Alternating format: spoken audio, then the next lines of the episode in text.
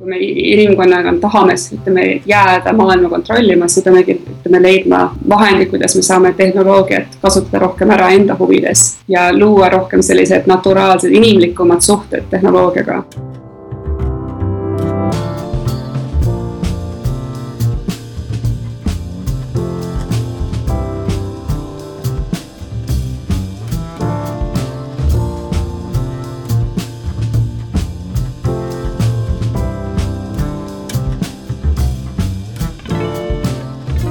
hea kuulaja, tere tulemast tagasi kuulama podcasti Globaalsed eestlased.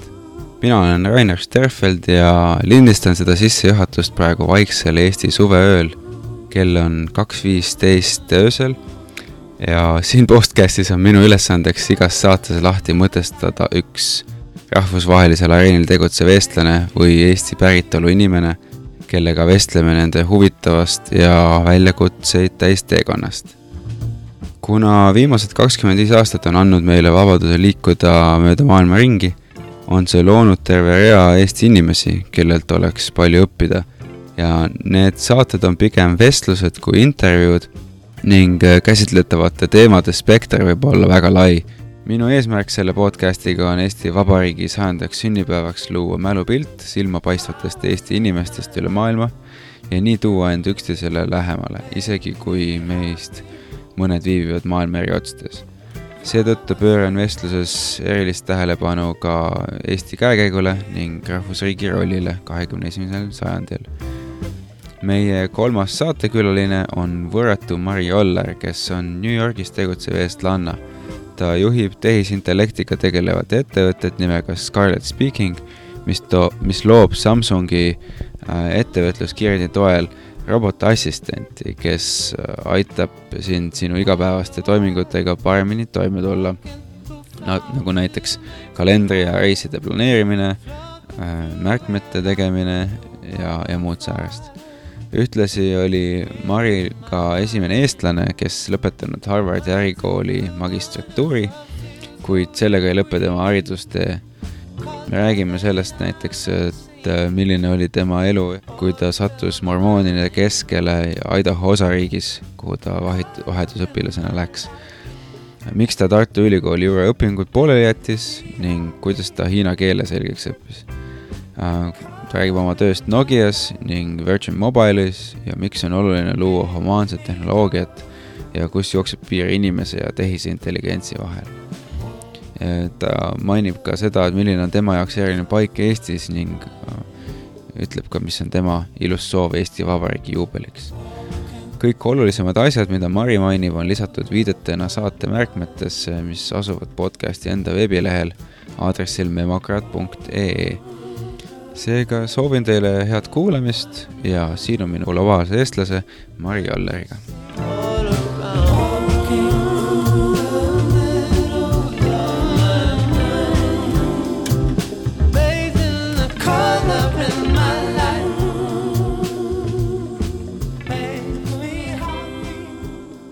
tere, Mari, tere tulemast saatesse. aitäh ähm,. kus sa praegu viibid, kus, kuidas sa, kus ma leian sind maailmas? olen hetkel New Yorgis enda korteris köögilaua ääres kohvitassiga, sest kell on hommikul kümme. ahah ähm,, ma istun äh, Stanfordi ülikooli kõrval Palo Altos ähm,. nii et me oleme Ameerika Ühendriikides mõlemad ja kumbki teineteise pool kaldul et ma olen tegelikult päris ka kaua aega nagu tahtnud äh, sinuga rääkida, et kui ma esimest korda sinust kuulsin, see ei olnudki nii kaua aega tagasi, see oli võib-olla äh, vast aasta või umbes niimoodi. ja kui ma esimest korda kuulsin, siis äh, ja hiljem internetis lugesin, siis esimese asjana märgitakse alati ära see, et sa oled esimene eestlane, kes on lõpetanud äh, Harvardi äh, ärikooli ma ütlen eestikeelses meediaruumis ja siis, ja siis, kui niimoodi inimestega räägid, siis, et oo, et ta tegeleb tehisintellektiga. et ma küsin otseallikast, et kui inimesed küsivad, mida sa teed, kui sa oled kuskil ähm, cocktail party'l või mis iganes, et, et mida sa vastad, kuidas sa vastad lühidalt? Ähm, ma ikka tavaliselt kirjeldan ennast ettevõtjana, et see, kus koolis ma käisin, see tavaliselt ei tule jututeemaks, kui nüüd päris pikemalt seda asja juurida aga jah, tegelen küll tehisintelligentsiga, ehitame välja sellist toodet nagu Scarlett, mis on siis ähm, uuelaadne, ütleme nii nagu nutisekretär või. et ähm, inimestele igapäevane, igapäevane noh, elu lihtsamaks teha, sest vaata tänapäeval saame informatsiooni igalt poolt, et tuleb rohkem, kui me suudame seal läbi närida.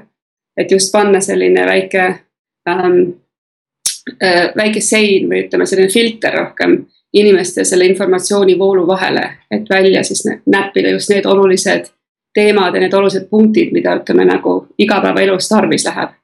et lihtsalt inimestel elu veidi lihtsamaks et keegi tänapäeval iga, igaüks ei suuda endale lubada, ütleme sellist elavat sekretäri, aga et siis ütleme vähemalt leida ähm, menetlus selline tehnoloogia abil ja tehisintelligentsi abil, mis siis aitaks inimestel nagu ühesõnaga igapäevaelu lihtsamaks teha mm. -hmm.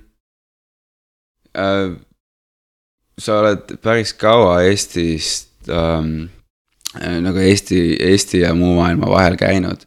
et kui ähm,, kui sa esimest korda ära läksid Eestist ähm,, siis millal see oli, millal see oli esimest korda, kui sa läksid? ma olin siis kuueteistaastane, siis ma õppisin äh,, mida vanasti kutsuti Tallinna seitsmendaks keskkooliks, nüüd tänapäeval on see äh, Inglise kolledž mm. -hmm. ja tekkis võimalus äh, veeta aasta USA-s vahetusõpilasena. Ma arvan, et sel ajal ma nagu ei osanudki midagi eriti oodata või midagi karta, ma lihtsalt vaatasin, et huvitav võimalus, et, et ma lähen, kasutan ära seda juhust. ja äh, kuna olin kuusteist ja mõtlesin, et kui ma nii kaugele juba lähen, et siis ma lähen Californiasse välja mm. -hmm aga ei juhtunud niimoodi, hoopiski sattusin Idahosse. Pean ausalt öeldes ütlema, et ma sellele ei teadnudki, kus kohas Idaho üldse asub ja siis lõin kaardi lahti, vaatasin hmm,, ei olegi sellisest kohast kuulnud. ja juhtusin sellisesse äh, maarajooni, kus kasvatatakse kõvasti kartuleid, see üks kuulsaid Ameerika kartuleid, see äh, Idaho Russet ongi pärit just, just sealt rajoonist, kus mina siis aasta viibisin ja olin, ütleme Äh, ühiskonnas, mis oli ütleme üheksakümmend üheksa protsenti mormoonid. ja kas olen olnud kasvanud Eestis niimoodi väga sellises mittereligioosses keskkonnas, see oli minu jaoks ütleme kõige suuremaks šokiks võib-olla. Aga samas oli see ka selline väga huvitav ähm, elamus, et just et ühesõnaga hakkama saada, suhteid luua iseennast tundma õppida, õppida, ütleme absoluutselt teistsuguses keskkonnas kui see, millega harjunud olen, ma arvan, et see on tegelikult selline võib-olla natuke raske aga ütleme väga kasulik õppetund. nüüd inimestele, kes ei tea, kus Idaho asub ähm,, äkki selgitad natuke seda kont-, ruumilist konteksti? Ja see on siis äh, Ameerika Ühendriikide põhjapoolne, peaaegu läänes, ütleme võib-olla siis keskläänes. et ta on, see jääb sinna niimoodi selle Washingtoni osariigi ja siis Colorado vahele. sa lähed äh, Idahosse, sa oot-, sul on mingid ootused et mis su peas nagu toimub ja, ja siis, ja siis äh, mis, mis sa tegelikult nagu, milline, milliseks see tegelikult kujuneb või midagi muud, et mis sa sealt nagu õppisid see oli päris ammu aega tagasi, ma ei oska nüüd päris täpselt enam kirjeldada seda, aga, aga ma arvan, et et äh, noh, tõesti ma ütlen, kui minna ütleme suhteliselt noorelt, ütleme kuueteistkümne aastaselt, sa juba ei oskagi ütleme midagi karta või midagi niimoodi, mingit hirmu tunda või noh, ühesõnaga võib-olla ootused olid küll, ütleme võib-olla teis-, ei osanud nagu ette kujutada endale, kuidas, kui erinevad võivad olla tegelikult need erinevad keskkonnad. ja võib-olla just ütleme nagu, mis, mis siis muuda-, muudatus toimus, oli võib-olla see, et, et, et Eestisse tagasi tulles ma just nagu oskasin näha, mismoodi mis oleksid võimalused kuskil mujal võib-olla, et, et ma USA-s olles reisisin ka ringi, et ma käisin Californias, ma olin New Yorgis, et ma nägin nagu erinevaid paiku ja erinevaid keskkondi. et võib-olla siis oskasin rohkem endale ette kujutada valikuid tehes, et, et, et kuhu, kuhu siis võib-olla edasi ja mis, mis äh, noh, mis suunas nagu edasi mõelda võib-olla.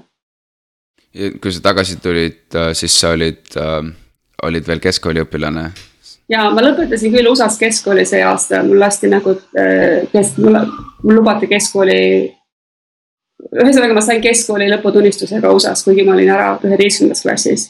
aga ma tulin tagasi ja tegin oma siis nii üheteistkümnenda kui kaheteistkümnenda klassi järgi keskkoolis ja läksin ka edasi astusin õigusteaduskonda Tartus, nii et, et ma ei olnud päris, ma ei tulnud päris tagasi, hakanud kohe USA poole vaatama, vaid ikkagi mõtlesin, et noh, et, et kasulik on Eestis Euroopa see keskkool lõpetada ja siis edasi vaadata. ja mis aastal see Tartu Ülikool juhtus? astusin Tartu Ülikooli üheksakümmend neli, mhm.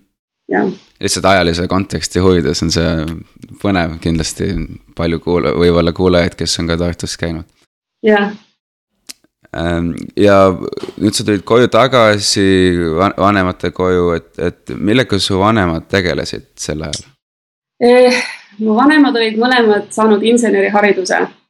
kuna sel, see generatsioon siis ütleme sügaval nõukogude ajal ikkagi vist valis, tegi valikuid, mis oleksid sellised suhteliselt ütleme noh mitte reaalsed, vaid sellised, ütleme nagu ka teadusel põhinevad. Et äh, isa mul praktiseeris rohkem, ütleme oma inseneriharidust, aga ema tegeles rohkem reklaamialal ja tal olid sellised noh, erinevad töökohad, ma arvan, et sel, sellel generatsioonil oligi rohkem selline lahtisem, ütleme, mitte nii väga suunitletud äh, karjäär, et äh, jah. aga mõlemad on jah inseneriharidusega, nii et, et äh, tugevad reaalainetes jah, et siis on, siis on need mõjutused päris head olnud ka sinu puhul ähm,. samas hakkasid juuret õppima Tartu Ülikoolis ja, ja siis täna sa oled ettevõtja, et äh, sa oled läbi käinud sellise huvitava teekonna, kus sa läksid õppima juuret, siis sa jõudsid äh, meditsiiniettevõtetesse ja nüüd sa, nüüd sa tegeled tehisintellektiga, et, äh, et ku, kuidas sa ise kirjeldaksid oma teekonda ja ma arvan, et inimesel on vaata kahesuguseid, ühed on sellised, kellel on kogu aeg olnud ette, selline ettenägemus sellest, mis, kelleks nad saada tahavad või mida nad teha tahavad, et neil on sihuke väga selge visioon selle kohta. mina sinna gruppi ei kuulu et äh, mina olen üritanud ikka teha asju, mis mind, mis mind hetkel nagu on õnnelikuks teinud või mis huvitavana on tundnud, tundunud ja kuidagi iseennast õppima siis nagu ähm, noh üritanud iseennast nagu õppida ka, et näha, näha, et nagu, et mis mind nagu siis ütleme, mis mind tõmbab ja mille vastu mul huvi ei ole, et see kuidagi nagu niimoodi tehes ühesõnaga, et ikkagi mõtled endale selle suuna välja. et äh, mina astusin juurasse just sellepärast, et ma tahtsin oma neid valikuid suhteliselt la lahti hoida. ja ütleme, õigusteaduskond või ütleme, õigusteadus üleüldse tundus sellise alana, kus nagu on, see on nagu sihuke väga reaalne valik, et, et on ikkagi et äh, ükskõik, mida sa elus teed, et äh, oskus lugeda lepinguid ei, ei jookse kunagi niimoodi mööda selga maha. et ma astusin samal ajal ka majandusteaduskonda TTÜ-s, aga ma osu-, otsustasin Tartu kasuks. ja, ja ma pidasin seal õigusteaduskonnas ainult tegelikult aasta vastu nii et juristi must ei saanud ikkagi, et see oli niisugune proovivariant võib-olla. et ma hakkasin ikkagi mõtlema, et tegelikult tahaks kuskil mujal, ütleme, haridust omandada et see kuidagi see USA, USA, ütleme valik USA kasuks oli just, tulenes sellest, et noh, mulle meeldib selline avatud ühiskond, siin on nii palju mitmekesisust ja ütleme, see bakalaureuseõpe just eriti on suhteliselt, ütleme, niisugune laialdane. et sa noh, erinevalt Euroopas, kus sa ütleme, lähed õppima õigusteadust ja sa teed ainult seda neli aastat või sa lähed tegema, õpid majandust ja sa õpid ainult majandust neli aastat, et see USA bakalaureusekraad on rohkem selline laialdane et sa teed ühesõnaga, kus isegi kui õpid, ütleme näiteks majandusse, ikkagi võtad juurde politoloogiat või keeli või ütleme kirjandust ja selliseid erinevaid asju, et sul tekib selline kuidagi laialdasem baas. et võib-olla ma see, see järg, järg, jätk jälle äh, valikutele, mis nagu hoidsid mul, ütleme need igast võimalused lahti. et äh, siis ma tulingi Tartust edasi sellisesse väiksesse ülikooli nagu Middlebury, mis on siis Vermonti osariigis USA-s ja, ja õppisin siis majanduspolitoloogiat ja hiina keelt. ja, ja jah. nii et, et jah, see juuratee mul lühida, lühikeseks, et siis edasi läksingi rohkem sellise majanduse, äri, noh, keelte alal. mis oli see mõttelõng, kuidas sa hiina keeleni jõudsid ja miks sa otsustasid hiina keelt õppida? Ah, jah, Middlebury's on väga head ähm, just väga hea keele, keeleteaduskond, keelteteaduskonnad ja hiina keele teaduskond on üks parimaid USA-s. et ähm, ma olen kogu aeg huvi tundnud, ütleme Hiina kultuuri vastu, et mulle meeldib nende see, kõik see, see keel iseenesest on väga huvitav, kõik need hieroglüüfid, ütleme filosoofia, võitluskunstid, et see on kogu aeg enda poole tõmmanud, nende poole tõmmanud. Ja siis äh, noh, Melbourne'is olles ma sain ka ma sain aru, et ühesõnaga selliseid keeli nagu hiina keel on nagu väga raske oma, oma nagu oma pead õppida, et kus on olemas struktuur ja selline teaduskond ja et seda, et, et see valik toimus minu jaoks täiesti selline loomulikult. ja siis ma veetsingi üheksa kuud Hiinas. see oli umbes aastal üheksakümmend kaheksa ja, ja sain seal sellise väga nagu reaalse praktikaga keelele. see on selles mõttes väga huvitav, mis sa ütlesid ennist, et sina ei ole üks nendest, kes sa, kes on planeerinud väga oma, oma karjääri ja, ja mulle tundub, et meie põlvkond esimesed, kes nii-öelda said vabaduse maitset tunda mm, -hmm. Ik ikkagi ka ei saanud väga planeerida seda nii-öelda, kui noh, võrreldes sellega, mida ma näen täna näiteks gümnaasiumiõpilaste ähm, ütleme, nendega suheldes ja et, et, et sa kuidagi orgaaniliselt äh, vastad jah kõigele võimalus, kõikidele võimalustele, mis sul tekivad ja, ja siis võtad parima, mis on võimalik, sest noh, ei olnud ikkagi nagu kõik veel päris valla ja ei olnud sellist äh, raamistikku, kuidas üldse nendest asjadest mõelda ja, ja nii edasi, et äh,, et ma väga paljusid inimesi tunnen, kes ongi niimoodi lihtsalt ra nagu raske tööga ja, ja ütleme laia baasiga, mida me tegelikult kahtlemata saime Eestist, et yes. sealt teha. et, et see on nagu huvitav jah, et, et aga sealt edasi siiski, et kuidas äh, sealt edasi läks, et sa, okei okay,, juura, majandus, hiina keel, et, et kuidas sa ettevõtluseni jõudsid, mis ähm,, millal oli su, mis, mis oli sinu esimene ettevõte ja kuidas sinna üldse jõudsid? Uh, kuidas nüüd võtta seda, vaata praegu tänapäeval räägivad paljud, et minu esimene ettevõte oli siin, ütleme limonaadimüüjas tee ääres ja ma mäletan ise tegelikult, et ma olin kuskil võib-olla siis mingi nelja ja kuue aasta vahel ja olime e, ema sõbranna, ema ja ema sõbranna ja tema tütrega olime Pärnus. ja siis ma võtsin nagu ettevõtlikult ette, et, et, et maja tagant ristikheina õisi korjata ja siis need väikesteks kimpudeks teha ja siis tänaval neid seda inimestele maha müüa. nii et võib-olla teoreetiliselt oli siis see minu esimene ettevõte aga ma arvan, et tegelikult see meie kogu Eesti kontekst ja just see, mis sa rääkisid, see üleminekuperiood ka ma arvan, väga palju tegelikult mõjutas, ütleme, kõigi meie valikuid ja ütleme, mõtteviisi ka. et ühest küljest pidime kõik olema väga sellised noh, pigem ettevõtjad olema, sest tegelikult pidid ikkagi oma kätega palju ära tegema, sest võimalusi ei olnud nii palju, eks ole, ja ligipääs, ütleme, ressurssidele polnud palju. aga samas oli ka seda kaost hirmus palju, nii et ma mõtlen ise tegelikult, et need, kes me oleme üle elanud selle üleminekuperioodi, võib-olla vaates, esialgu tegime selliseid konservatiivsemaid otsuseid ka et äh, pärast kõike seda kaost, mida me läbi nägime, et, et siis võib-olla just sellised valikud nagu õigusteadus ja majandus tundusid väga selliste nagu noh, noh, võib-olla mingit pidi võib-olla konservatiivsete otsustena, aga sa üritad luua endale nii palju võimalusi, eks ole, kui noh, või võim-, või um, kui hetkel oskad ette näha, eks ole, sest see on sellised nagu ütleme, reaalsed real options et mm, -hmm. et äh, just selline haridus, kus sa tunned, et sul on nagu see hüppe, baas on nagu selline kõige laialdasem võib-olla mm. -hmm. aga jah, edasi võib-olla siis ettevõtluse koha pealt, siis ma läksin tegelikult pärast ülikooli hoopiski konsultatsiooni. et äh, näha erinevaid selliseid äh, äriprobleeme ja olla nagu väga lähedal otsuste tegemisele.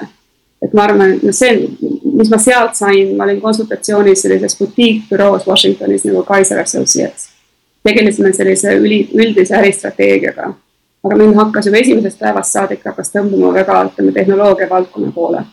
siis ma leidsin, et see on just valdkond, mis nagu hoiab väga, ütleme, ajuerksõna ja ütleme, et ta on innovatiivne ja niisugune tulevikku vaatamine. mulle alati väga meeldinud just eriti tehnoloogia, mis nagu ühiskonda edasi viiks et siis äh, konsultatsiooniga ma tegelesingi neli aastat ja töötasin hästi palju koos, ütleme, just töötasin palju tehnoloogia klientidele nagu ähm, IBM ja siis tol ajal Nortal ja sellised, ütleme, telekommunikatsioonifirmad. ja sealt siis ma arvan, et see, see nagu see huvi nagu ütlemegi veel süvenes tehnoloogia vastu. aga siis ma tegin sellise kõrvalhüppe et läksin siis hoopiski äh, kooli tagasi ja tegin MBA programmi Harvardis.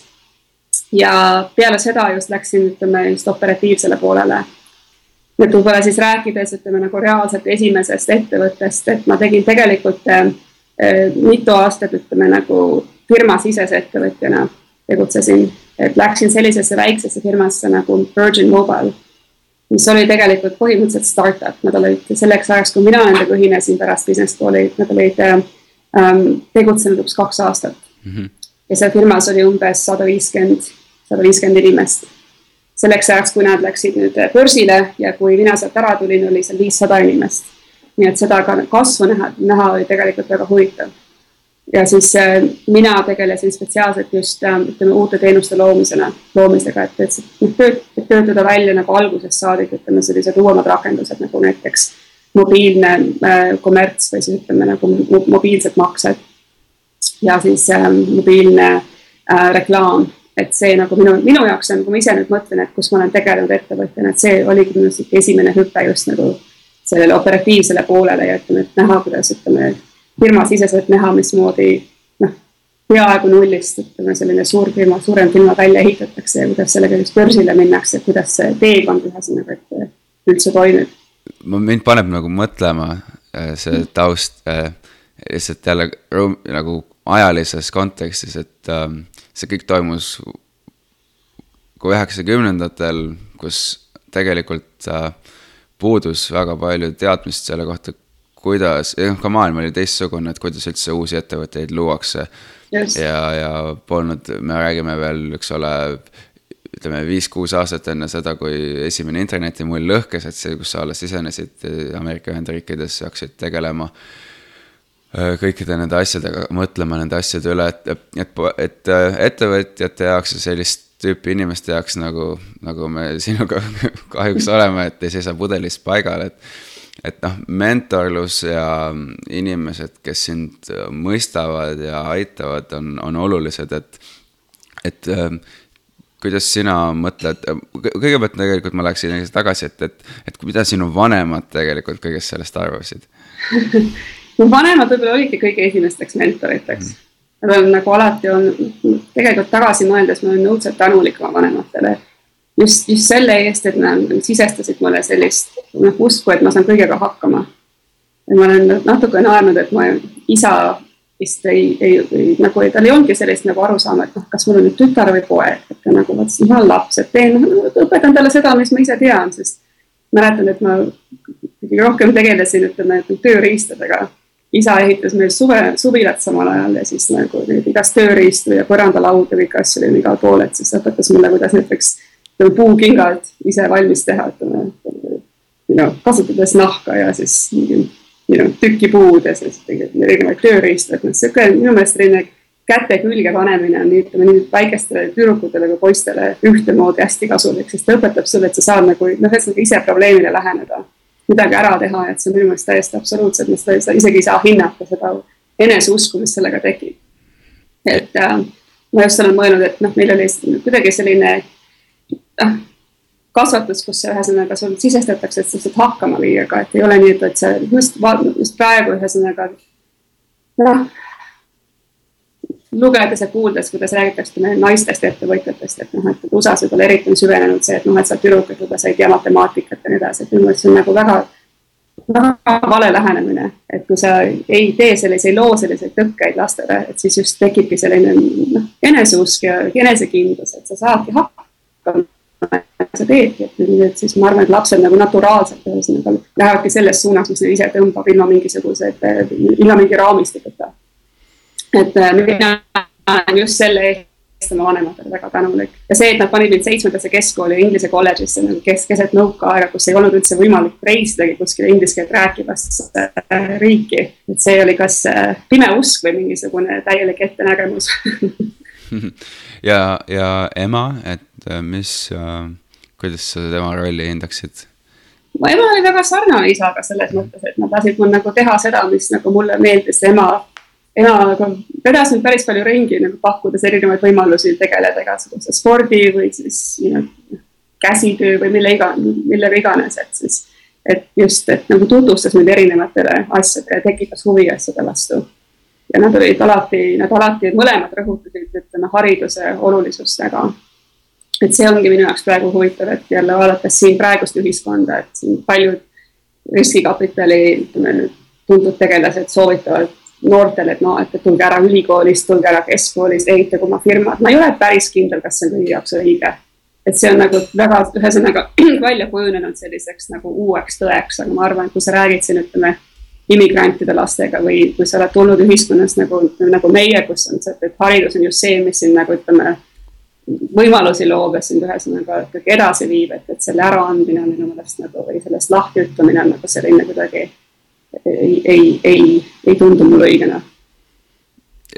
no ma, ma elan siin, nagu ma ütlesin, Stanfordi ülikooli külje all ja, ja eks ma näen seda ja tunnetan seda igapäevaselt, kuidas äh, kuidas ülikooliharidus mõjutab inimesi ja kuidas äh, on, on inimesi, kes on nii uudishimulikud ja nii iseseisvad, et nad suudavad iseseisvalt õppida, nii et ma ütleksin, et, äh, et jah, et on neid programme nagu um, Peter Thielil, riskikapitalistil ja ettevõtjal on, on see Thiel Fellowship ja mm -hmm. ma olen, ma olen kohtunud paari nende noorega, kes on üheksateist, kahekümne aastased ja pole käinud ja pole läinud ülikooli, sest äh, Peter Thiel on andnud neile sada tuhat dollarit, et, et äh, jäta vahele ja tee oma ettevõte.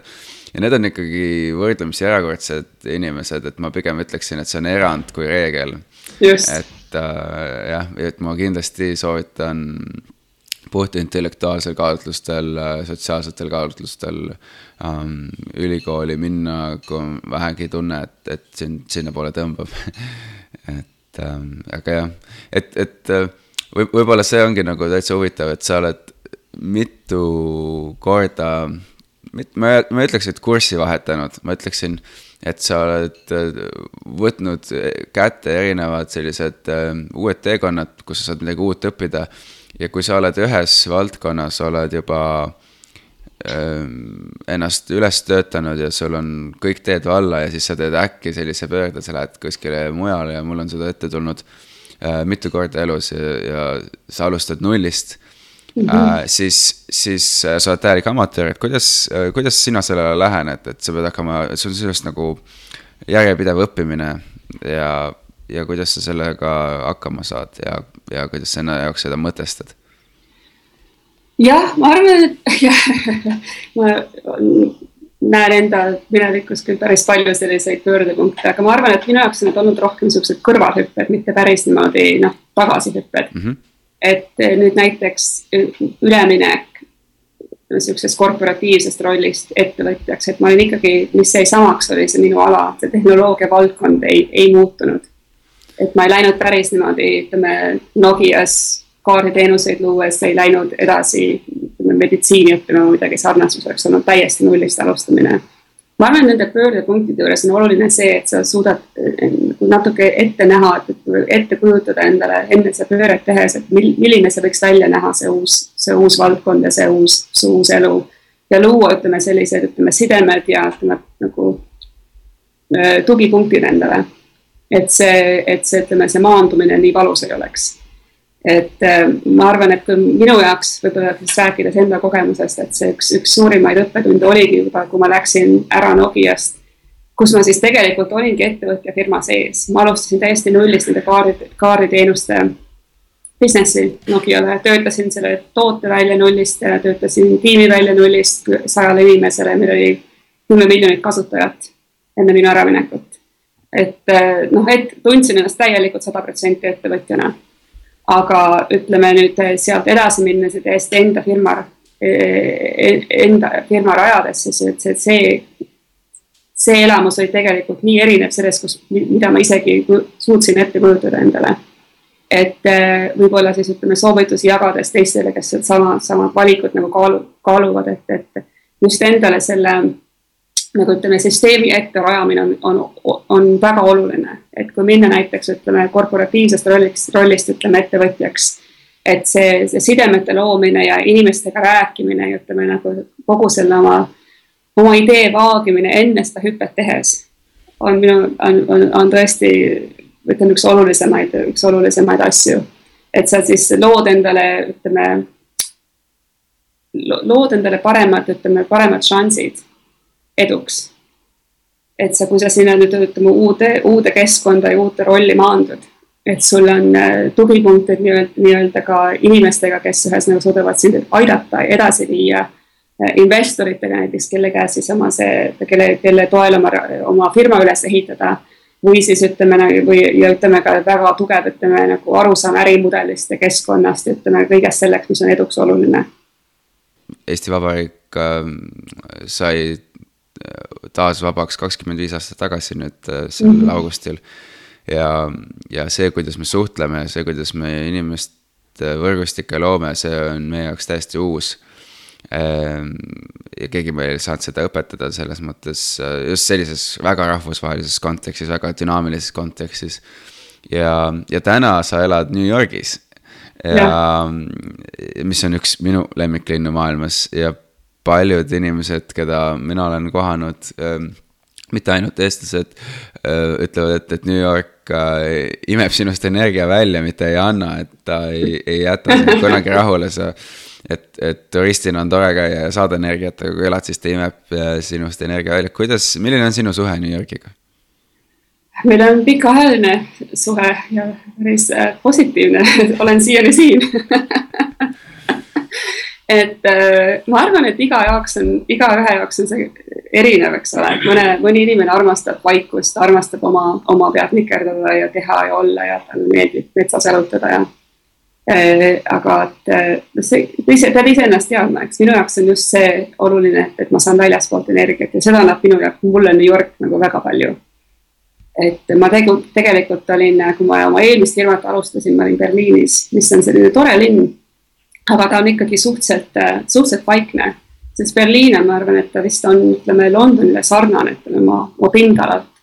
ja kui Londonis on kakskümmend miljonit inimest, siis, siis Berliinis on kaks nii et on, olen näinud suurel, suurel äh, linnasisesel maanteel rebast äh, teed ületamas kuskil niimoodi südaöö paiku, nii et ta on ikkagi suhteliselt selline noh, ikkagi vaikne linn et äh, New Yorgis mulle just, minu jaoks oli raske Berliinis just see, et sa ei tunne sellist energiat enda ümber. et New York on väga kompaktne võrreldes Berliiniga, eks ole, et kõik on, siin on sihuke elu käib ja väga palju on sellist just noh, ikka seda tempot, energiat on nagu väga, väga kerge tunda tänavatel ja üldse inimestes, inimeste keskel samuti.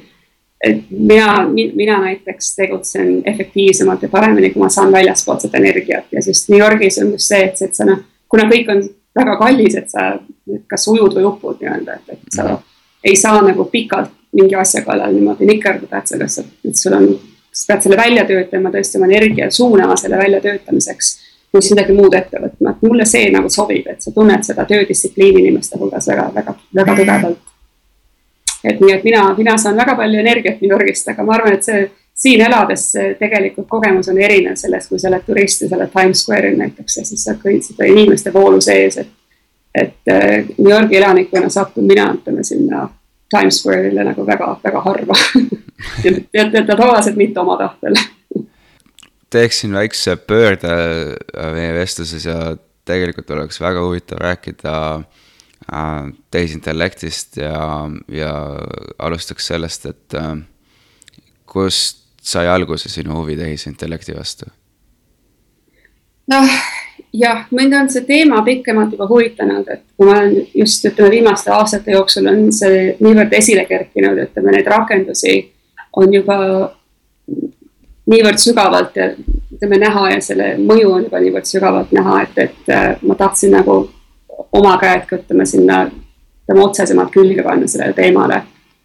et ma olen pikalt tege, tegutsenud teenustega, kus on, ütleme, kontekst ja ütleme, on, on oluline näiteks ütleme kaariteenustes alati ühesõnaga ütleme see, kus sa oled, väga, väga mõjutab seda, ütleme, mismoodi sa ütleme oma konteksti vaatad näiteks et see, see samm, ütleme näiteks ähm, mobiililt tehisintellekti, tehisintellektini on nagu suhteliselt lühike minu meelest ähm,.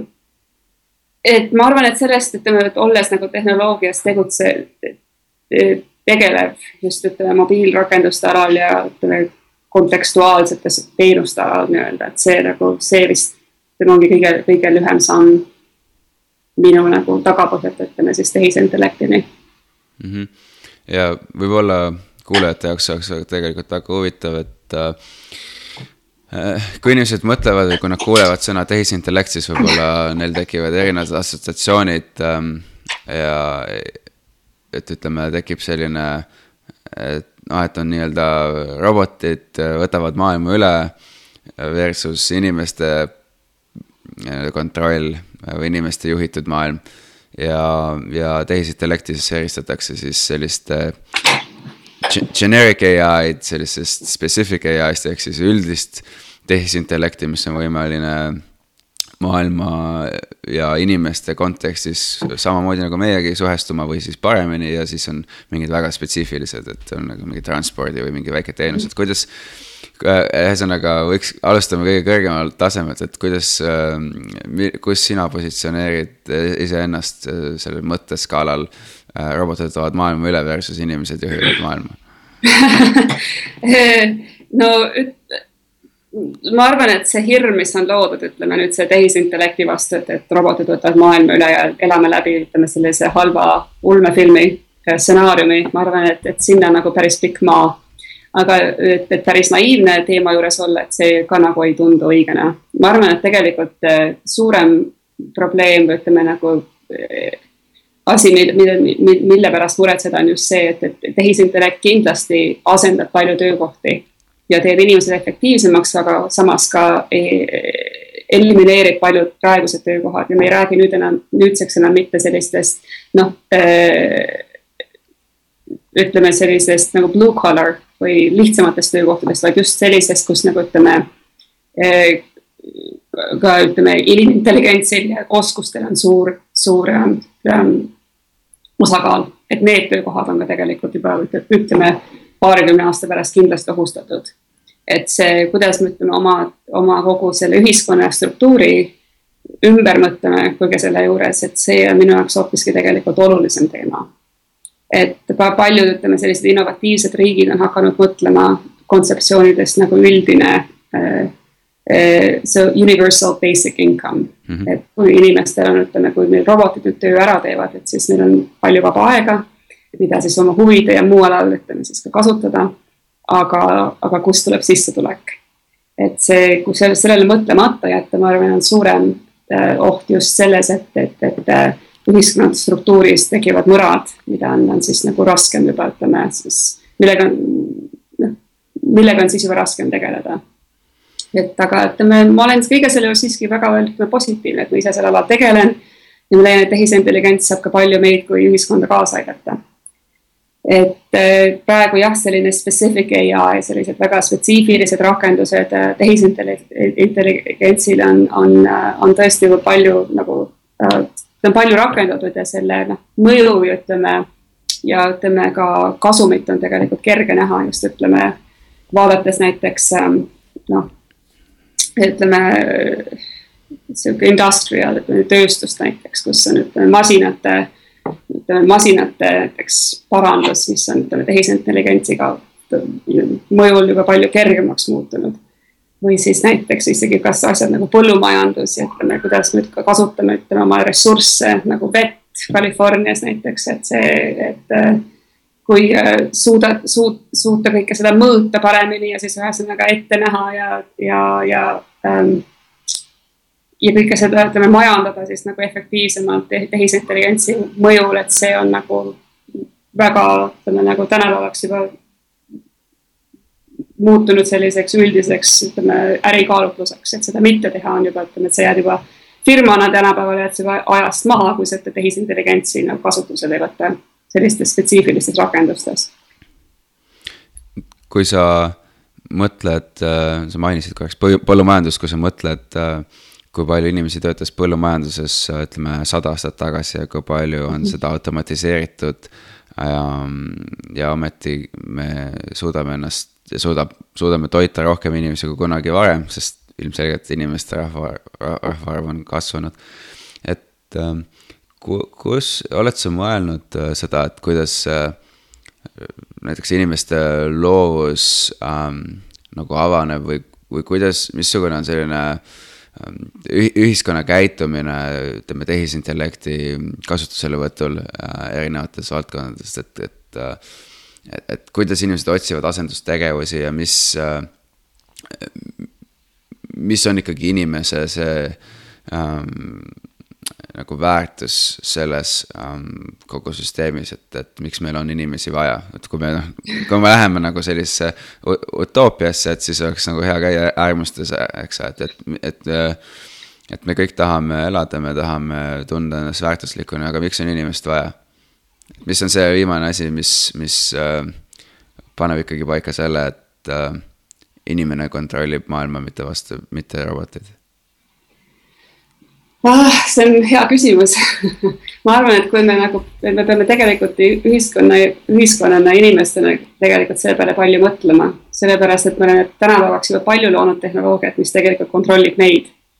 mitte meie kontrolli tehnoloogiat, et selle võib-olla inimest, inimkonna üks eesmärke ongi tegelikult see, see, see nagu ümber keerata nii-öelda. ja, ja rohkem mõelda noh mõeldes sellele, kuidas me tegelikult tehnoloogia, mis suhe on meil tehnoloogiaga. et see, et see ei kontrolliks meid niivõrd nagu eh, noh, igapäevaselt, noh praegu vaatame, kuidas me kasutame näiteks mobiiltelefone. me kontrollime näiteks mingisugune sada viiskümmend korda päevas, see ei ole ka nagu normaalne. Et just, et kui me inimkonnaga tahame, ütleme, jääda maailma kontrollima, siis me peamegi, ütleme, leidma vahendid, kuidas me saame tehnoloogiat kasutada rohkem ära enda huvides ja luua rohkem sellised naturaalsed, inimlikumad suhted tehnoloogiaga. mitte nagu üritada järgi jõuda tehnoloogiale siis kuidagi ütleme vägisi seda üritada enda pilli järgi tantsima, sellepärast et siis on juba liiga hilja. Aga need filos-, ma selle, selle kallal võib väga pikalt filosofeerida sellel teemal tehisintelligents hakkasid sisenema teemasse, mida ma tahtsin nagunii puudutada, et, et tekivad igasugused Ähm, sellised inimlikud küsimused, millega me peame ühiskonnana tegelema, et tekivad uued juriidilised äh, väljakutsed. sõltub, kelle käest sa küsid, aga kahekümnendas filosoof-, sajandis filosoofiat on nagu, et noh, tehti filosoofiat filosoofia pärast, et see ei olnud väga praktiline. võrreldes võib-olla mingi stoitsismiga, Seneca ja nii edasi. et, et siis oli hästi praktiline ja kasutus, et, et, et nüüd tekib ol, sarnane olukord uuesti, et ühiskond peab totaalselt ümber mõtestama, mida me õigupoolest tahame mm. -hmm. ja kui sul näiteks tekivad olukorrad, äh, kus sul on isesõitev auto ja tekib kokkupõrke olukord mingi välise Just. faktori tingimustes, noh mingi puu kukub või üks, ükskõik, mis see on. ja sul vasakul pool on viis äh, ütleme, seitsmekümne aastast inimest ja sul on paremal pool kaks kuueteistaastast inimest, siis ja sul ei ole muud võimalust, kui ühtedele nendest otsa sõita, siis mis, mis on see valik? et, et need on väga-väga tõsised teemad, et ma ei tea, noh, sina tegeled hetkel äh, natuke maisemate teemadega aga mind lihtsalt huvitab äh, see, kuidas sina mõtled ja ma võib-olla lihtsalt tahaksin ka Eesti kuulajatele pakkuda natuke konteksti, mis selles valdkonnas toimub. kuidas sina mõtled sellest? ja ma arvan, et me, et see on, see on see näide, mille sa praegu tõid, et see on väga reaalne, et praegu paljud firmad tegelevad, ütleme näiteks isesõitvate autodega. Ja selliste eetiliste küsimuste lahendamine on tegelikult minu meelest ei ole nagu ütleme lahendust leidnud ja neid selliseid situatsioone, ma arvan, tekib ainult juurde. Äh, kui nüüd vaadata neid filosoofilisi teemasid, et mida ütleme noh, või neid debatte, et kas siis ütleme, et et kas äh, masinad on, ütleme, täitsa võrdväärsete inimestega näiteks, et see, kas sa, kas ütleme, empaatia võimal-, empaatia anne on olemas näiteks masinal. Et äh, või on see ainult unikaalselt nagu inimeste kogemus, inimeste ütleme noh, äh, käib ainult inimlikkusega kaasas. et kas see, see, et me ei ole suutnud masinatele empaatiat veel õpetada, et kas see on ainult nagu raske tehniline probleem või see ongi tegelikult see joon, mis meid eristab, mis, mis, mis meid siis inimkonnana eristab masinatest. mina nagu isiklikult jään selle ikkagi ühesõnaga ühesõnaga sinna, sinnapoole, kus ähm, ikkagi tegelikult see joon masinate ja inimeste vahel on tegelikult täiesti olemas. et see, et, et, et, et kui inimene, kes saab aru, ütleme kontseptsioonidest nagu sünd ja surm. et sul on bioloogiline keha, et see tegelikult ikkagi täiesti eristab sind masinast. et meil on olemas empaatiavõime, et me, meil on olemas emotsioon nagu surmahirm. Minu, et ma leian, et seda ei ole võimalik masinale õpetada. et see ei ole ainult, ütleme, raske tehnoloogia probleem, et see on niivõrd tegelikult selline inimlikkust ütleme siis iseloomustav kontsept, et see, seda ei saa masinaga võrdvääristada. et see üks, üks hiljuti, mis ma lugesin ühte, ühte artiklit, kus siis räägiti robotile valu kontsepti tutvustamisest, et see, et noh, et, et kas sul, et, et, et see roboti siis, roboti käsi, mis siis, mis siis puudutas midagi, ütleme midagi, mis oli väga tuline. et kui ta on natuke tuline, et siis ta tõmbab käe, selle roboti käe tagasi, et kui ta on natuke rohkem tuline, siis ta tõmbab rohkem selle käe tagasi, kui on väga tuline, et siis ta enam ei lähe selle juurde et, et see on minu meelest sihuke rohkem nagu matemaatiline probleem, et see, kas see, kas see robot nüüd tõesti valu tundis, et seda, seda tegelikult vaieldakse nüüd, aga minu meelest on see ikkagi just sellised kontseptid, mis siis eristavad, ütleme ikkagi inimesi robotitest, et see ei ole nagu üks ja sama minu jaoks. ma leian, et tegelikult, et see, see on väga huvitav filosoofiline debatt ja on palju inimesi, kes on tegelikult hoopis vastaspoolel ja, ja väga siis ühistavad seda roboti, ütleme inimese tulevikku, et me suudame kõik oma selle kollektiivse intelligentsi kuskile upload ida, et edasi, et see nagu elaks edasi, ütleme aasta, aastasadu ja tuhandeid ja miljoneid. et, et, et see on tegelikult huvitav, ühesõnaga, et see, et seda sellist filosoofilist joont on nagu huvitav ähm, noh, vaadata, kuhu see viib, et see on tegelikult täitsa ütleme reaalsed loogilised põhjendused olemas. aga ma leian, et, et, et, et, et kui me oleme ühesõnaga ikkagi mures oma, oma tuleviku pärast ja kuidas me siis ühesõnaga oma ühiskonna struktuurile mõtleme, et see tehisintelligents edasi areneb ja kui me ikkagi rohkem automatiseeritult, ütleme, masinate abil oma elu elame. et kuidas me ikkagi säilitame oma inimväärtused ja mõtleme oma ühiskonna peale ikkagi rohkem selliselt äh, noh, empaatiavõimega. et, et selle masina ja siis inimese ühistamine minu meelest on selle, selle, et see, see võib-olla ei, ei, ei, ei vii kõige parema tulemuseni et, et see, see tekitab ähm,, lähme, lähme täiesti teise äärmusesse ja hoiame, hoiame nii-öelda kuulajad varvastel. et lähme teise äärmusesse, et ähm, me ise juhime seda, et me ise oleme, otsustame.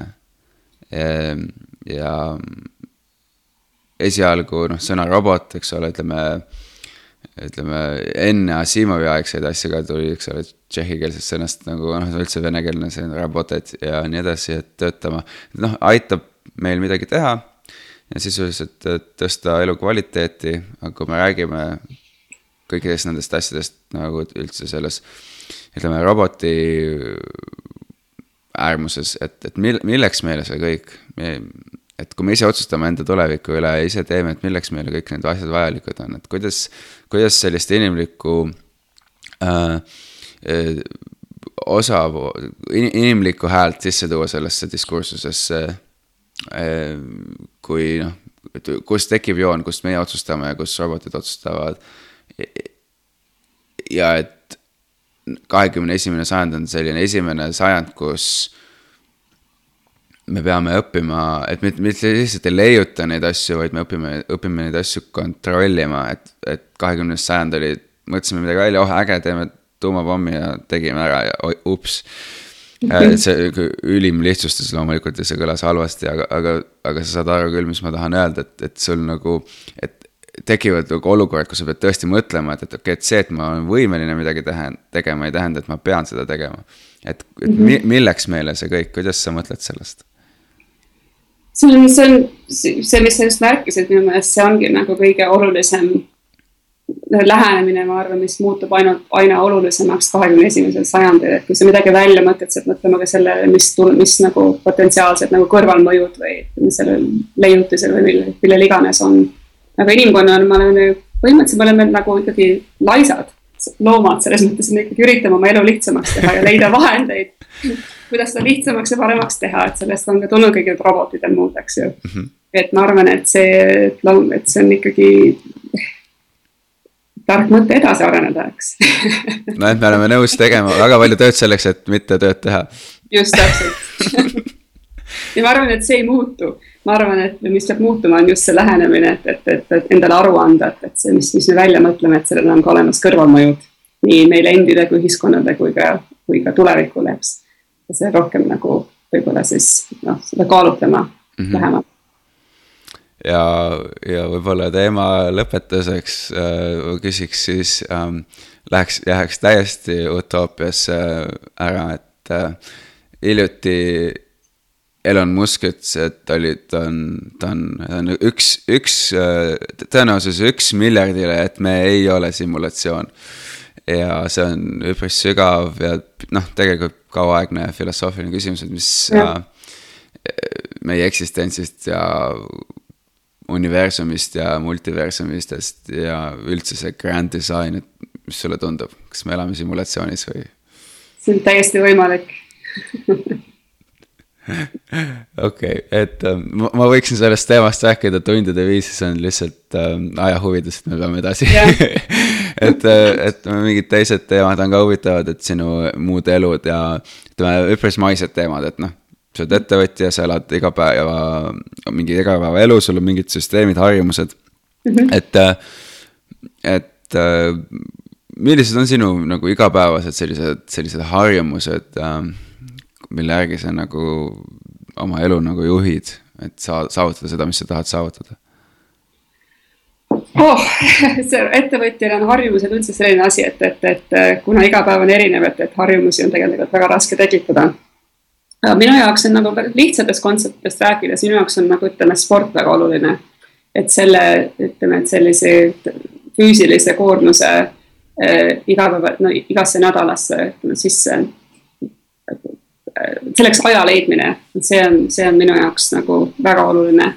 et ma olen leidnud end, ma olen nagu iseennast jälgides, ma olen leidnud, ütleme ka iga, iga nagu igas päevas, kus on sellised produktiivsemad ajad ja vähem produktiivsemad ajad ja leida sellised aknad, kus nagu noh, leida aega asjadele nagu ütleme ähm, sport näiteks, et äh, just ma tean näiteks, et ütleme õhtupoolsel ajal või ütleme nagu pärastlõunal on täiesti võimatu tegeleda sellisest väga, väga ütleme nagu pinge, mitte pingelise, vaid ütleme nagu ajuteravust nõuda tööga. et mhm. selleks, selleks on minu jaoks spetsiifilised ajad näiteks päevas, kus ma sellega tegelen.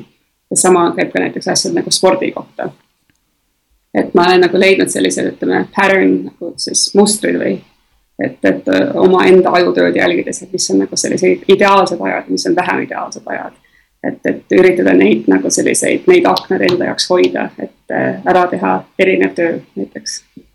-hmm ja, ja noh, ütleme mind alati huvitab see, et äh, kuidas inimesed oma mingeid süsteeme loovad ja, ja üks sellistest süsteemidest, mis on võrdlemisi universaalne, on märkmete tegemine mm. -hmm. et ähm, kuidas sina teed oma märkmeid või kuidas sa üldse oma to do list'i teed, kas kasutad vihikut, arvutit või, ja siis noh, mis äppe või mm. -hmm. kuidas, kuidas sa oma süsteemi nagu ehitad ja noh, selles mõttes, et üks asi on olla nagu individuaalne, ütleme, panustaja, ütleme, vabakutseline ja teine on, on ettevõtte juht, et kuidas sinu jaoks see praegu on? jah, minu jaoks on natuke erinevad süsteemid, ütleme see, ütleme nagu firmajuhina ja siis ütleme minu nagu iseenda isikliku elu jaoks et tegelikult minu, ma olen vahel naernud enda üle, et, et ma olen kõige selle tehnoloogias tegutsemise juures tegelikult elan väga palju märklikus et äh, minu jaoks on just naljakas see, et ütleme väga sellise, ütleme nagu uute kontseptide väljamõtlemisel ja ütleme siis näiteks mingeid äh, nagu loova töö juures, et ma tegelikult kirjutan käsitsi palju. et selle käsi, midagi on selle käsitsi kirjutamise juures, mis tegelikult ütleme nagu minu aju lahti teeb. et ma võin nagu mingid uued kontseptid ja probleemid nagu välja mõelda just kirjutades. et siis ma, see minu jaoks tegelikult see märkmik, ütleme niimoodi pool aju, sest nagu väga väga mitte tehisintelligents et elab siis ütleme paberil ja pliiatsil, et see minu see isiklik to-do list on, on ka samas märklikus kui see, kus kohas ma teen, ütleme nagu mõtlen välja neid igasuguseid, lahendan ütleme probleeme samuti. aga näiteks firmajuhina ütleme, on, on selline igapäevane graafik ja ütleme nagu märkide tegemine täiesti digitaalne minu jaoks. et minu jaoks elab kõik, ütleme niimoodi pilves, et ma ütleme nagu enda selle läppari peal ei, tegelikult ei üldse ei hoia midagi mm. -hmm. et see on nagu noh, ma reisin palju ringi, oleme nagu erinevas kontekstis, et sellele oma, ütleme graafikule ja märkmetele kõigele nagu ligipääs on minu jaoks tegelikult oluline ja siis see nagu pilve, selle pilves äh, kasutamine näiteks aitab siis mind nagu eri, eri, eri äh,, eri aegadel, eri kohtades mm. -hmm. et sa ka, ütleme nagu vabastav tunne, et sa ei reisi ainult kogu aeg endal näppar seljas, et on kõik see hardware seljas, et siis on nagu sihuke võimalik nii-öelda tänapäeval nomaadina ükskõik kustkohast mismoodi tööd teha. mul on väga intensiivne vihiku kasutaja. samas mul on nagu me meeskonnaga, tiimiga kasutame ikkagi oma süsteeme ja noh, tarkvaraarendajad kasutavad omasid ja siis äh, mu management kasutab omad, et ma kasutan neid ja siis mul on veel oma vihik, et.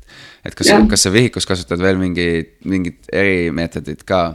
Kuidas sa jaotad oma vihikut või mitte, et see ja. läheb väga detailseks, et mul, mul on omad asjad ja ma tahaksin teada ja, ja mul on, mul on tegelikult erinevad listid küll vihikus olemas mm. -hmm. et, ähm, et ühel pool on siis tööasjad, teisel pool on siis isiklikud asjad ja siis mul on oma süsteem, mismoodi ma seda to-do list'ist nagu läbi käin ja mismoodi nagu ma neid jagan, sest tegelikult kõige hullem minu jaoks on, kui sa teed endale sellise suure to-do list'i ette.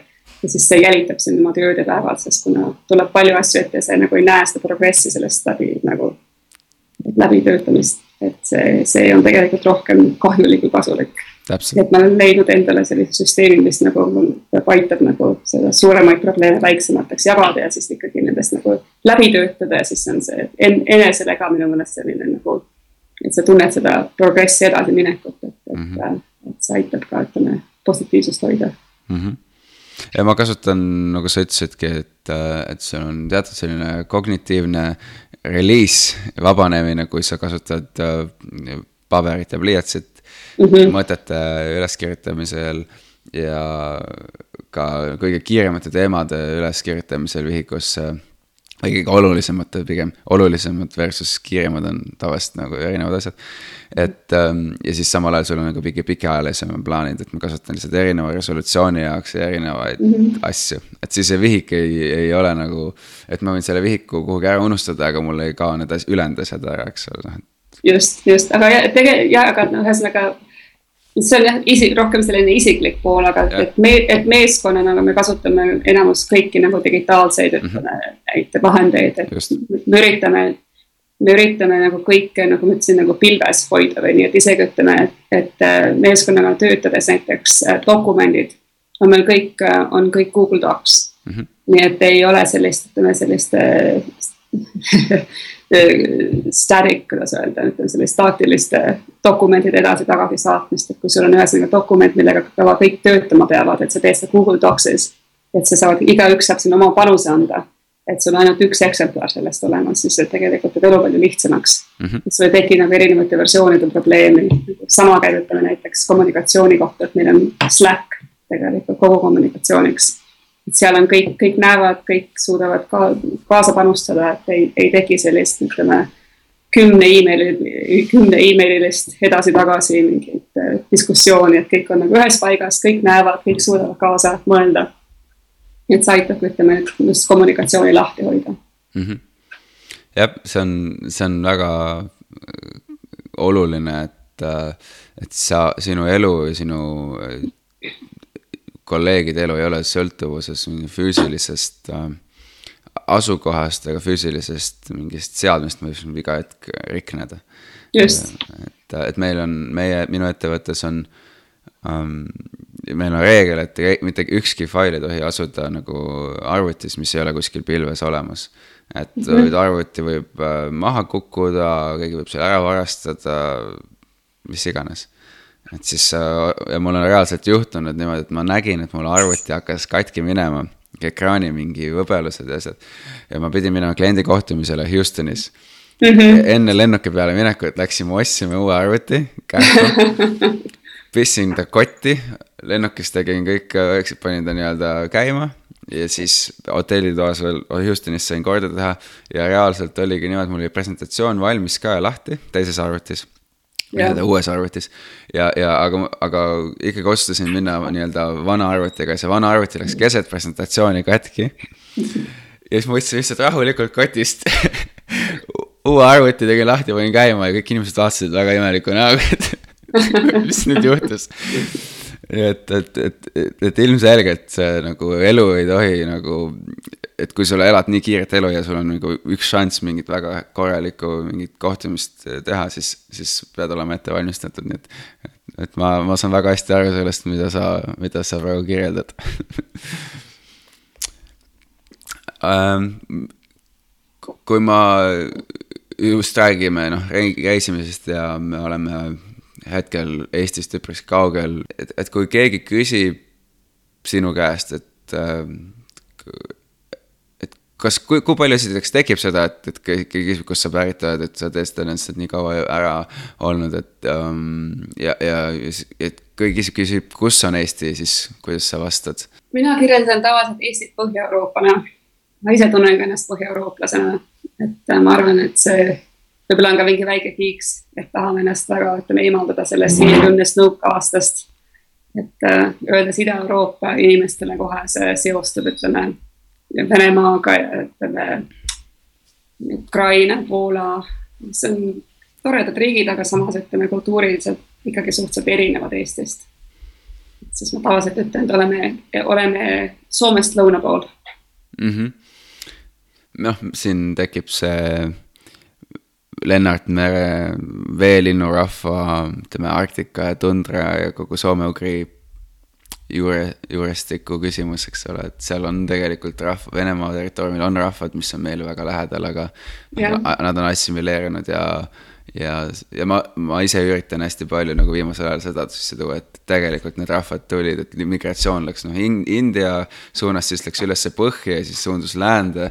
et ma üritan nagu selgeks teha, et noh, tegelikult meil on, noh, es, esialgu siin on hästi palju, eks ole, ütleme komid ja, ja nii edasi, need kasutasid eks ole, mingit, ma ei tea, Pärsia tähestikku ja, ja araabia sõnu on päris palju, eks ole, et kui kaupmeestega toimus ja siis, siis me ei ole üldse nagu selle äh, germaani keeltega näiteks üldse et, et ma, eks ole, et, et see Põhja-Euroopa on nagu väga adekvaatne kirjeldus mulle, mulle tundub selles mõttes ähm,. sest tõesti see vahepealne, see sihuke slaavi piirkond, seda, seda nagu raske seostada meie mõttemaailmaga ja, aga samas on meil, vaata, kui sa vaatad Eesti ajalooõpikut, hakkab peale, et, et ma, üks mentor, kes mulle alati naerab, et on ainult eestlased ja hiinlased, kes hakkavad oma ajalooga pihta. kümme tuhat, kümme miljonit aastat tagasi yeah., kui jää, jää taandus alalt, mis on tänapäevaseks tuntud Eestile mm. -hmm. just e, eks meil on oma otsingud on ju poole peal, me alles õpime ennast kirjeldama ja, ja see on oluline ja noh jah, ma arvan, et see on väga huvitav uh,. mis uh,, rääkides jääde andmisest ja nii edasi natuke teistmoodi, et, et milline on, on sul mingi eriline paik Eestis uh,, kus sul meeldib käia, minna? ma olen Tallinnas sündinud ja kasvanud, et minu jaoks on see põhjarannik alati sihuke südamelähedane. just need männi, kuivad männimetsad Kanarvikuga ja see mererand, et minu jaoks on see kõige rohkem seostab, ütleme emotsionaalselt Eestiga. Et um, kuigi ülejäänud Eesti on ka väga ilus, Lõuna-Eesti, aga minu jaoks on just see Põhja-Eesti rannik on see, mis mulle kodutunde loob. aga tegelikult see suurem seos minu jaoks ikkagi ütleme noh, emotsionaalne, seotud perekonnaga ja sugulaste ja sõpradega. et see teeb minu jaoks Eestist Eesti. kui sa kohtud äh, teiste eestlastega äh, mujal maailmas, siis äh, millest sa räägid? Uh, oleneb inimesest alati on huvitav kuulda inimeste teekonnast ja kuidas nad on leidnud tee siia kuskile maailmanurka eestlasena, et mis teid sinna tõi. kõigil on tegelikult huvitavad sellised, noh, huvitav teekond rääkida, iga, iga, igalühel on see erinev, eks ole. et äh, Hemingway ütlemine, et igas, igas sadamas on võimalik kohata eestlast, et see on tegelikult täitsa paika peab. et meil on siin New Yorgis ka tegelikult väga lahe Eesti, just Eesti naiste seltskond, et väga kirju seltskond selles mõttes, et igaüks eri, tegeleb erineva asjaga, kes on jurist, kes on ettevõtja, kes tegeleb loominguliselt millegagi. et just, et neid on nii vähe tegelikult, et meil on tegelikult ka väga palju, ütleme, ühist jagada, ütleme eestlastena. just need, kes on, ütleme, Eestis sündinud, kasvanud mingi suurema aja, vähemalt lapsepõlves seal veetnud. et äh, üritame kõik kokku hoida, ma arvan. väga hea, see on, seda on hea kuulda äh,, eriti tänapäevases kontekstis äh, ja üks noh, minu nagu eesmärke selle veebisaatega ongi see, et, et me toome üksteist äh, äh, lähemale äh,. sest tegelikult äh, see lähedalolek tundub minu jaoks küll ka füüsiline lähedalolek on oluline ilmselgelt, et sa oled lähedal, aga aga tänapäevases äh, ruumis, et sa ei pruugi tunda oma naabrit ja ma ei tunnegi oma naabreid tegelikult, ma alles kolisin kolm kuud tagasi siia ja, ja siis samal ajal nagu eks ole, et me oleme sinuga nagu vestelnud viimasel ajal nagu tihemini, et, et ma tunnen sind oluliselt rohkem kui oma naabreid ja kes sa oled New Yorgis. et, et mulle tundub, et globaalse eestlase kontekstis ja üleüldises äh, globaliseeruses maailmas, et tekib nagu huvide konsolideerumine, kus tahes sa oled. et võib-olla meil õnnestub seda natuke paremini siis äh, kuidagi saavutada eestlaste jaoks kindlasti loodaks et aga, aga räägiks sellest korraks, et millised on sinu arvates äh, ütleme eestlaste voorused ja tugevused, mis meil aitavad siis rahvusvahelises äh, konkurentsis ähm, võita? Ma arvan, et neid on päris palju, et eriti just praegu vaadates, kuivõrd tegelikult hea maine on Eestil, ütleme tehnoloogiaringkondades just. et, et väga on ütleme innovatiivne just vaadates, et see e-residentlusega on tegelikult vähemalt marketingi poole pealt palju suudetud ära teha, et et praegu tehnoloogia valdkonnas vaadatakse, et kui sa oled eestlane, et vau, et teil läheb nii hästi, et teete igast huvitavaid asju ja et, et teil on väga innovatiivne ühiskond ja valitsus ja nii edasi, edasi, et see tegelikult on väga heaks hüppelauaks kõigile, kes praegu tahavad ettevõtlusega tegeleda.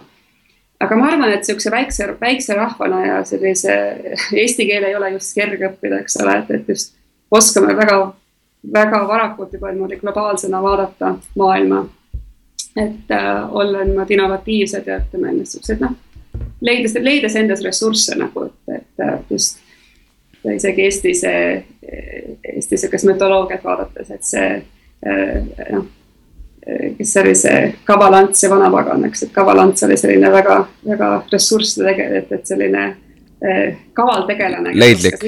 leidlik, just täpselt, aitäh, leidlik tegelane, et, et seda leidlikkust meil eestlastel on tegelikult väga palju et just leida selline uus lähenemine või nagu noh, ühesõnaga väga loominguliselt vaadata, mismoodi asju ära teha, et, et. et ma arvan, et see on positiivne, et me oleme just, just see, et meil on nagu, oleme väike rahvas ja meil on suhteliselt raske keel, et eesti keelt nagu kergelt ei õpi ära. et just oskame nagu ütleme globaalset maailma näha ja sealt ütleme nagu võimalusi leida, et see kindlasti, et me oleme, et see on kindlasti kasuks ma arvan, ega suhteliselt sitka rahvas ka, et, et see on alati, ütleme ettevõtluses on see just nagu väga oluline joon, et see ei ole mitte sprint, vaid ütleme rohkem ultramaraton mm. -hmm. et noh, et, et kõige selle igapäevaselt ellu jäädes edasi minnes, eks ole, et, et niimoodi me saavutame oma tulemused. Ja e, mida sina, mida sina arvad, e, mida me võiksime parandada oma oskustes või milliseid oskuseid peaksime parandama Äh, või kuidas oma käitumist parandada, et, et, et, et meil paremini läheks, on meil mingeid asju, mis meid tagasi hoiavad? ma arvan, et me oleme suhteliselt kriitilised üksteise vastu eestlastena, et, et neid on tegelikult niivõrd vähe, et me ei peaks tegelikult olema nii kriitilised. Et just natuke rohkem kokku hoidma ja olema inimsõbralikumad, võib-olla selles suunas on natuke, ütleme, et noh, on äh, ruum edasi, edasi mõelda jah ma ei oska sinna midagi rohkem lisada, ma arvan, et see on kõik, äh, kõik tõsi. et ma tuleksin natuke äh, Eesti tuleviku teemade juurde. et Eesti Vabariik saab äh, vähem kui kahe aasta pärast saja-aastaseks. milline oleks sinu soov Eesti, Eestile et mis, mingi nagu väike asi, et milline väike asi võiks järgmise pooleteise aasta jooksul paraneda, mis, mis aitaks meil muutuda paremaks? ma tõesti loodaks, et see selline hirmu süstimine meediapoliitika poolt nagu vaibuks, et seda, ütleme, kas on tegemist nüüd ütleme Eh, selle perekonnaseadusega või ütleme sisserändajatega, et noh, et inimeste hirm on tegelikult arusaadav, aga samas, et see on nii nagu ekstreemsusesse viidud ja üles köetud, et minu meelest see ei too ühiskonnale mitte mingit pidi mitte kuskilt kasu. et kui see nüüd selle tagasi tõmbamine oleks minu suurim soov tegelikult.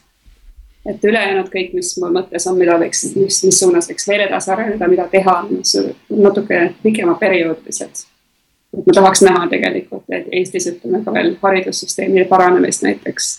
et see ei oleks ainult, ütleme, koondunud Tallinnasse, vaid et ütleme maakondades ja väiksemates linnades oleks, oleks noortel hea ligipääs heale haridusele.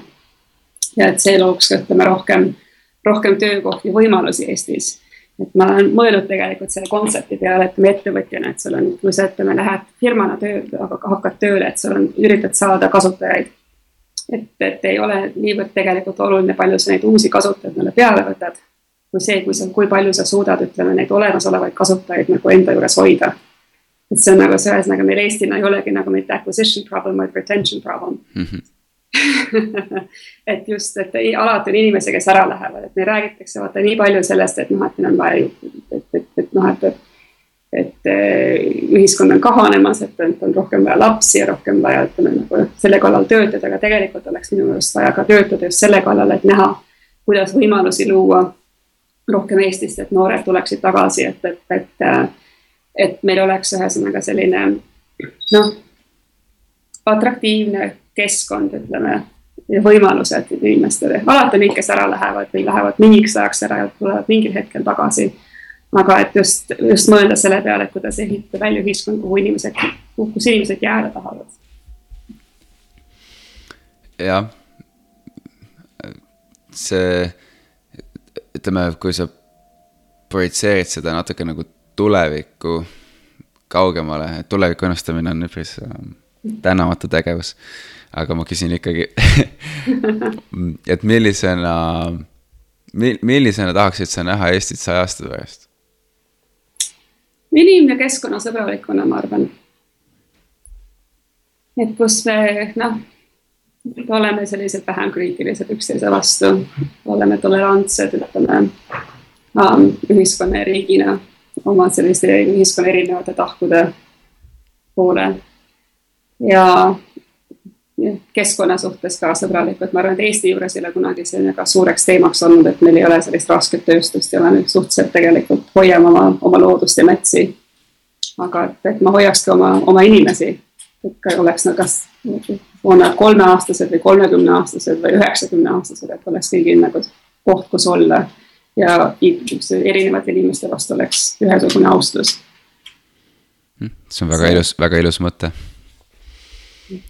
Äh, äh, mul on mõned kiirküsimused, millel ei, ei pea olema tingimata kiired vastused, aga okay. aga lihtsalt äh, on huvitav küsida, mida ma inimeste käest äh, küsin, no tahan äh, kuidagi teada saada võib-olla, et, et millised näevad välja esimesed äh, üks-kaks tundi sinu päevast, ärkad üles, mis teed, mis toimetad? tavaliselt on kas kaks võimalust, lähen kööki ja võtan välja kapist kohvimasina või siis tõmban jalga tossud ja panen uksest välja, et, et jooksus ära käia. et see on tavaliselt minu üks, üks kahest päeva alguse variandist. et äh, siis, kui järgmine etapp on siis, et panen endale äh, kõrvaklapid pähe ja podcast'i käima ja siis äh, mul on tööle umbes kolmkümmend minutit jalgsi kodunt ja kasutan siis seda ära, kas ütleme midagi, mingit äh, audioraamatut kuulates näiteks, siis selle, selle baasil ka mingeid mõtteid luues.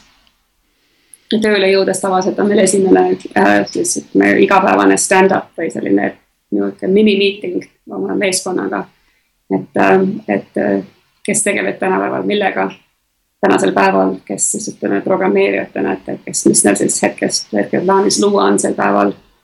siis ütleme firma juhina, mis mul nagu selleks päevaks plaanis on, et siis tekib nagu selline üle, üleüldine pilt kiirelt, et kes millega tegeleb ja kus nagu võib-olla on, võib probleeme olla mm. -hmm. ja, ja, ja kui ma niimoodi küsin, et äh, olen siin rääkinud erinevatest äh, harjumustest juba ka, et, et kas sul on mõni selline tegevus või kiiks, mis on sinu harjumuste ja, ja rutiini osa, kuid mida sina arvad, et Äh, teised inimesed ei tee või noh, ütleme, et sa arvad, et on unikaalne sinule? oi, ei tea, kas ma olen eriline